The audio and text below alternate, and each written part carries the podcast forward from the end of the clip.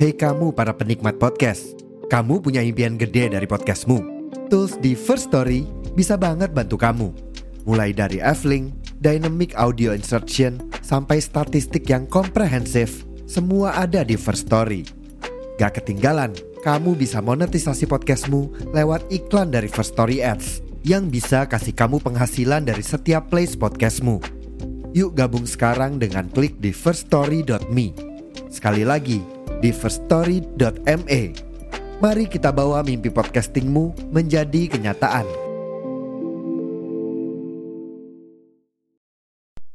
Ada hal yang mau gua sampein menjelang Pilpres 2024 tahun depan. Dan gua harap lu bisa mempertimbangkan dan memikirkan ini dengan baik biar lu nggak nyesel ke depannya.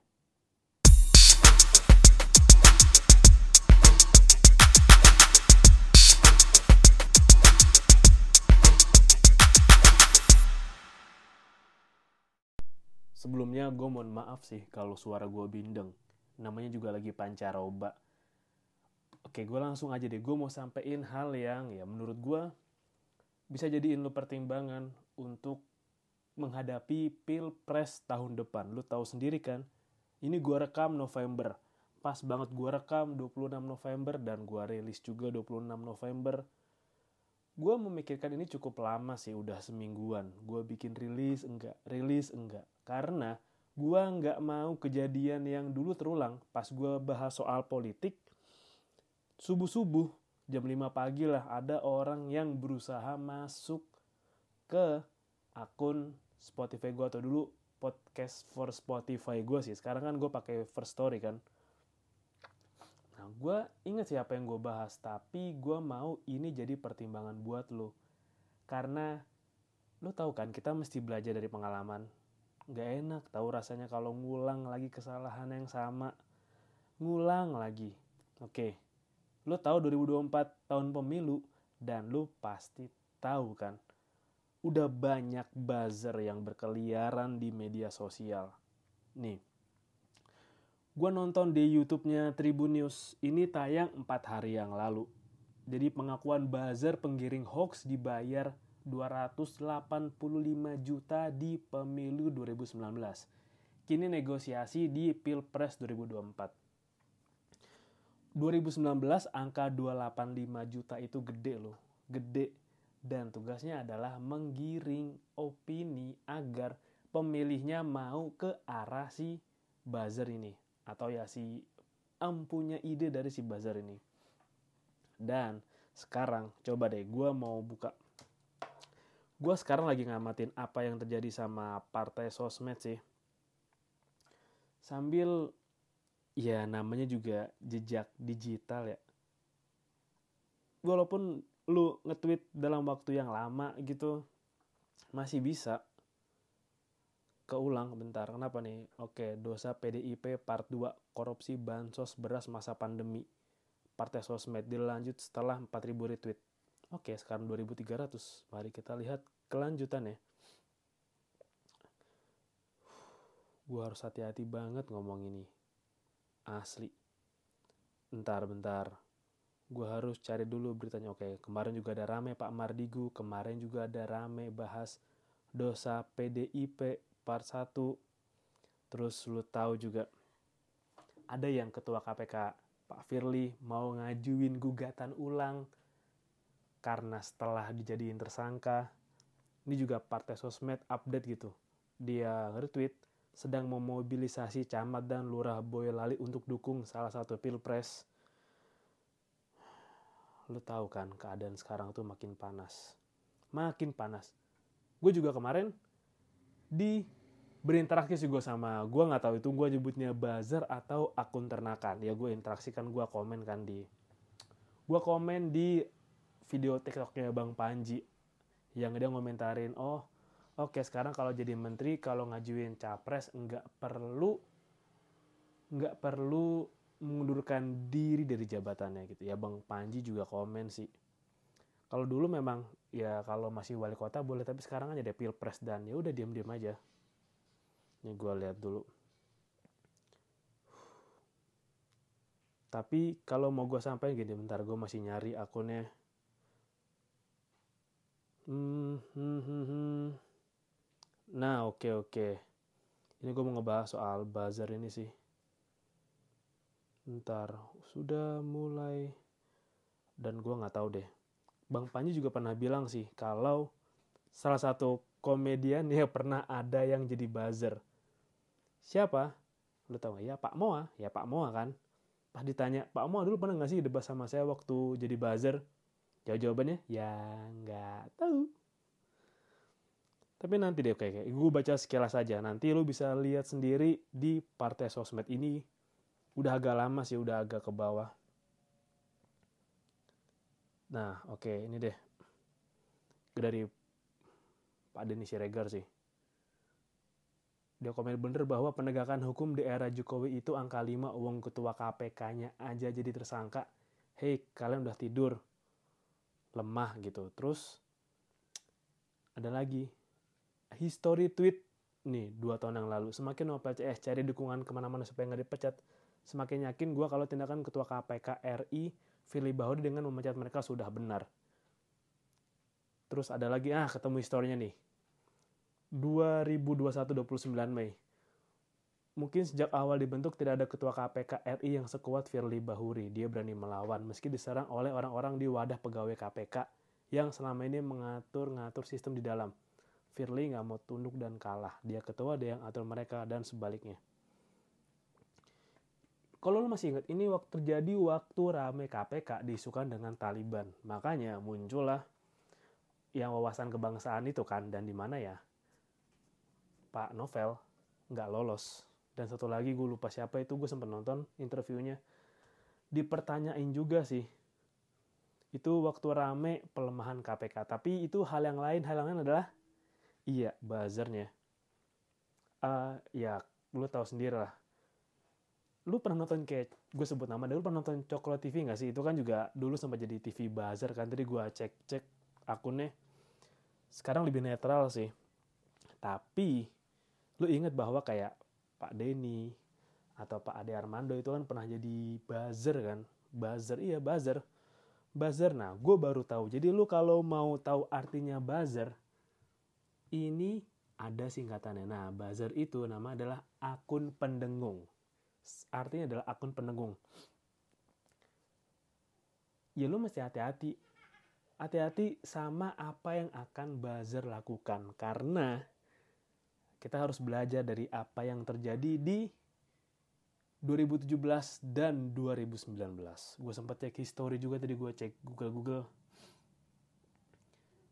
Lu masih inget zamannya KPU Ahok Jarot masih ingat nggak? Ini tahun 2017 kan yang pilkada kayak apa tuh ramenya.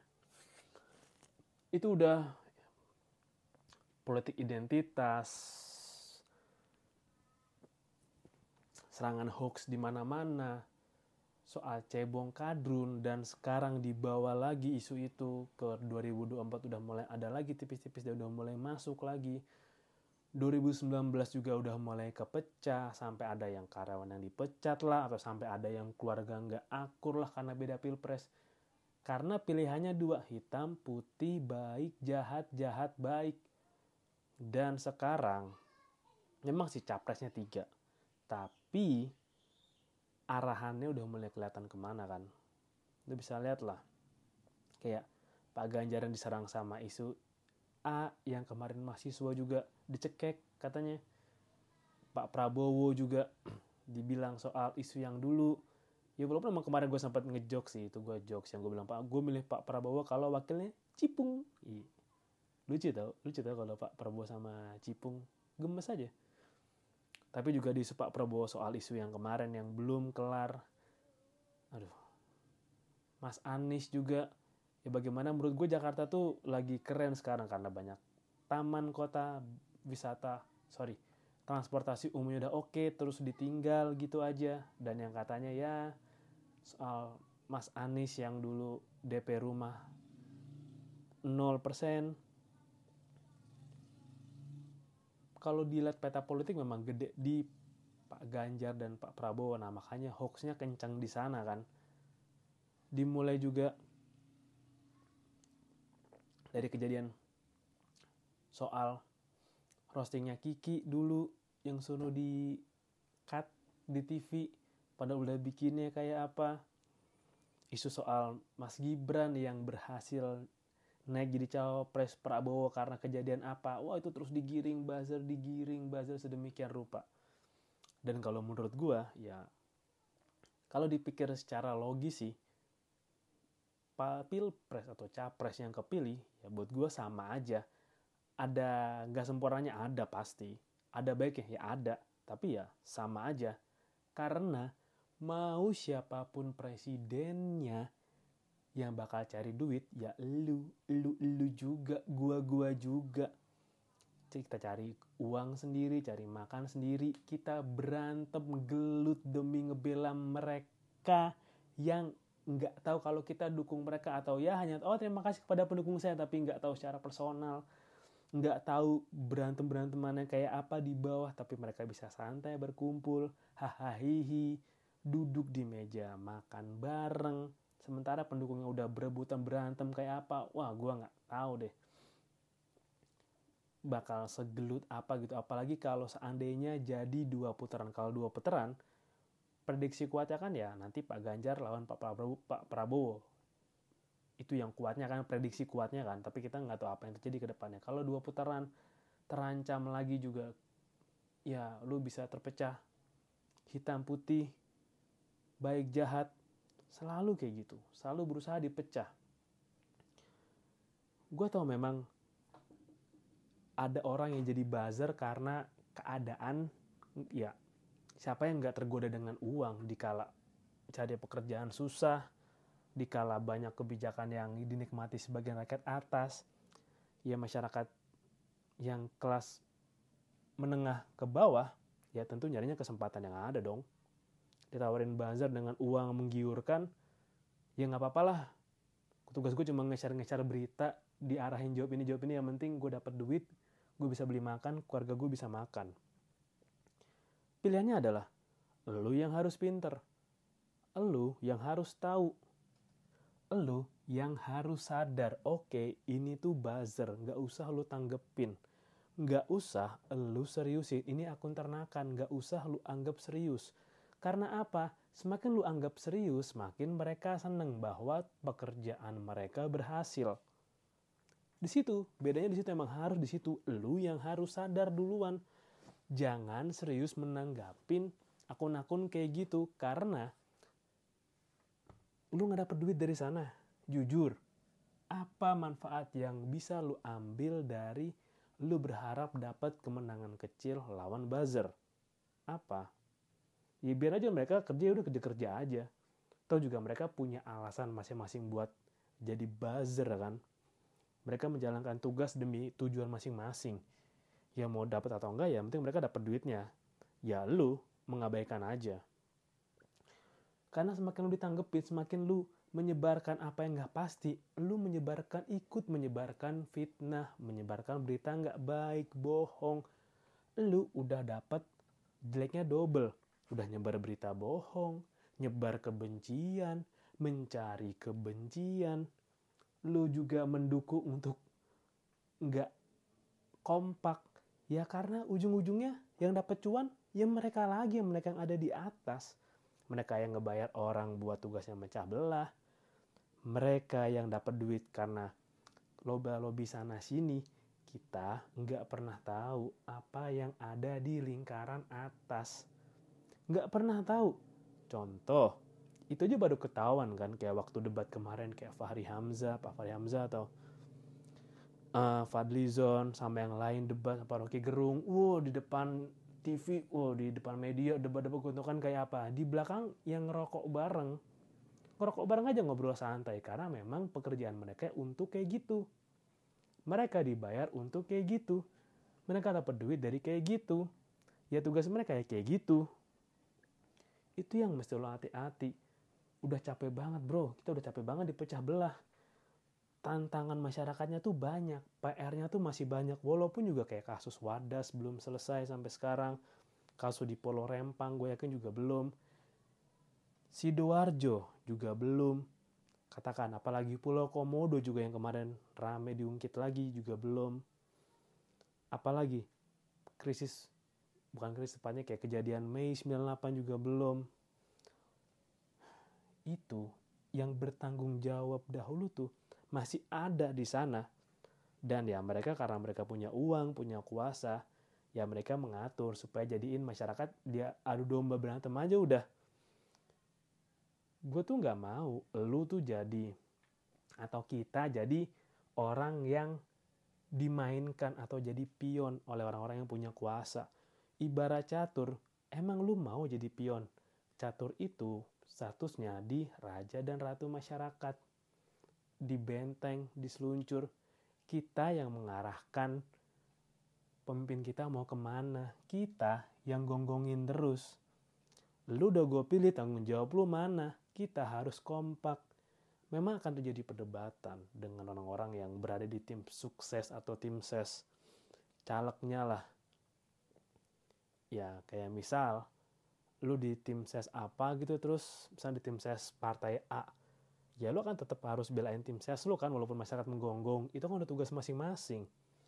Gue agak nggak setuju sih dengan kata-kata yang bilang oke okay, ayo lihat uh, menang kita dukung kalah kita rangkul. Ya mau menang atau kalah tetap pantau terus nggak ada tetap rangkul semua dukung semua dukung rangkul rangkul rangkul bro gue nggak tahu kenapa gue belum sempat nonton video TikTok yang bilang kita dapat kutukan karena jadi negara yang kaya gue nggak belum gue belum selesai nonton itu sih tapi gue percaya bahwa ya meskipun itu kutukan atau apa itu bisa dihapus bisa dirubah bisa dihilangkan kalau kitanya mau kompak. Karena kita tuh negara yang hebat dan yang besar, bro. Kepulauan banyak. Gue aja penasaran banget sama Indonesia seluas apa. Gue pengen banget kan, gue suka bilang kalau gue pengen ngeliat saudara sebangsa setanah air gue yang ada di Pulau NTB, NTT, Sulawesi, Kalimantan. Gue pengen berkunjung ke sana. Gue pengen tahu gitu. Seluas apa Indonesia ini? Apa yang bisa menyatukan kita? Perbedaan, perbedaan menurut gue adalah yang bikin kita bisa menjadi satu adalah perbedaan bersepakat bahwa oke okay, kita berbeda tapi kita tetap menjadi satu dengan tujuan. Dan gue nggak pingin lagi terjadi pecah-pecahan lagi debat-debatan lagi menguras energi bro. Lu kalau ngeliatin ada buzzer-buzzer bikin video apalah bikin narasi apalah ngelempar apa di TikTok lah yang tujuannya menjelekkan satu paslon satu sama lain. Karena perdebatannya itu memboroskan energi. Capek lo energi lo, keluar energi untuk mikir kata-kata kasar untuk ngebales atau mikir harus berkata apa biar logikanya nyampe. Tapi ya buzzer ya bukan ekspertis feeling gue bukan ekspertis banget jadi jawabannya ya setemplate yang dikasih aja dari sana. Capek juga lu nya dan itu memperlambat lu untuk lu fokus mencari uang atau ngelakuin hal yang beneran lu harus lakuin, energi lu kesedot banyak di sana. 2017 udah capek, capek banget sama politik identitas. Capek lah. 2019 itu juga narasinya kenceng banget.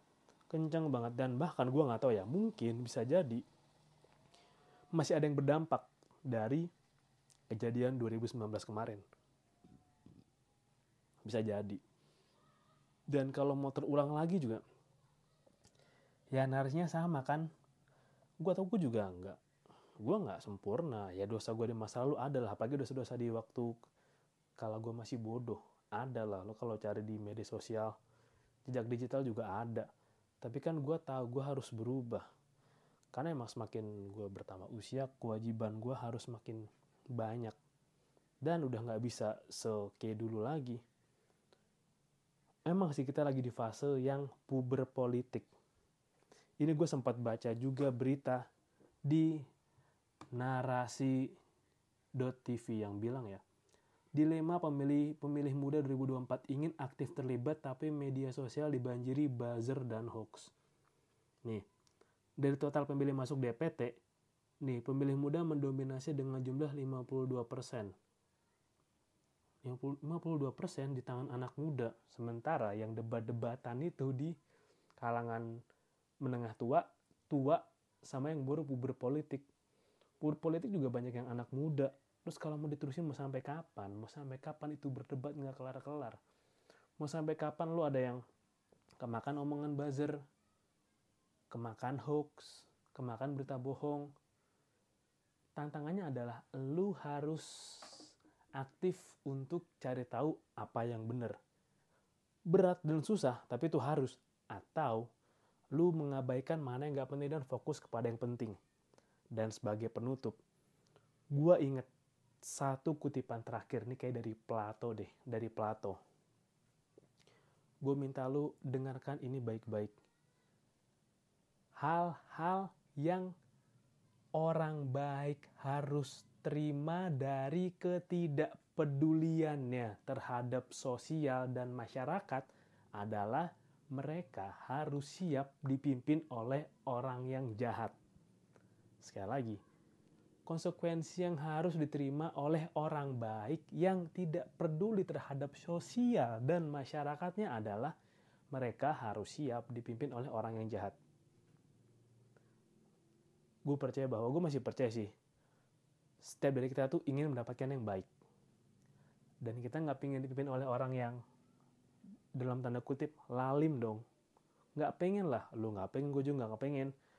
Karena akan ngaruh ke bagaimana kita mencari rezeki, bagaimana kita mencari uang, bagaimana kita mengejar mimpi atau apa yang kita mau, itu ngaruh. Makanya, gue minta lu mau tetap peduli dengan sosial, gue mau minta lu untuk peduli dengan isu sekitar, dan peduli untuk mau sadar diri, misahin mana yang hoax, mana yang benar, nggak kemakan kata-kata buzzer, dan tetap peduli dan mau ngikutin terus, mantau terus. Ini pemerintah kita 2024 nanti jalannya akan lurus atau enggak.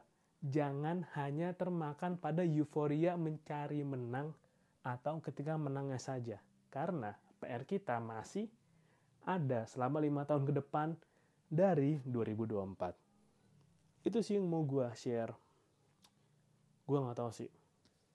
Mungkin ada manfaatnya buat lo. Ya kalau ada, gue harap lo bisa lebih peduli dan gak termakan jebakan manis oleh buzzer. Terima kasih udah dengerin dan sampai jumpa di episode berikutnya. Bye-bye.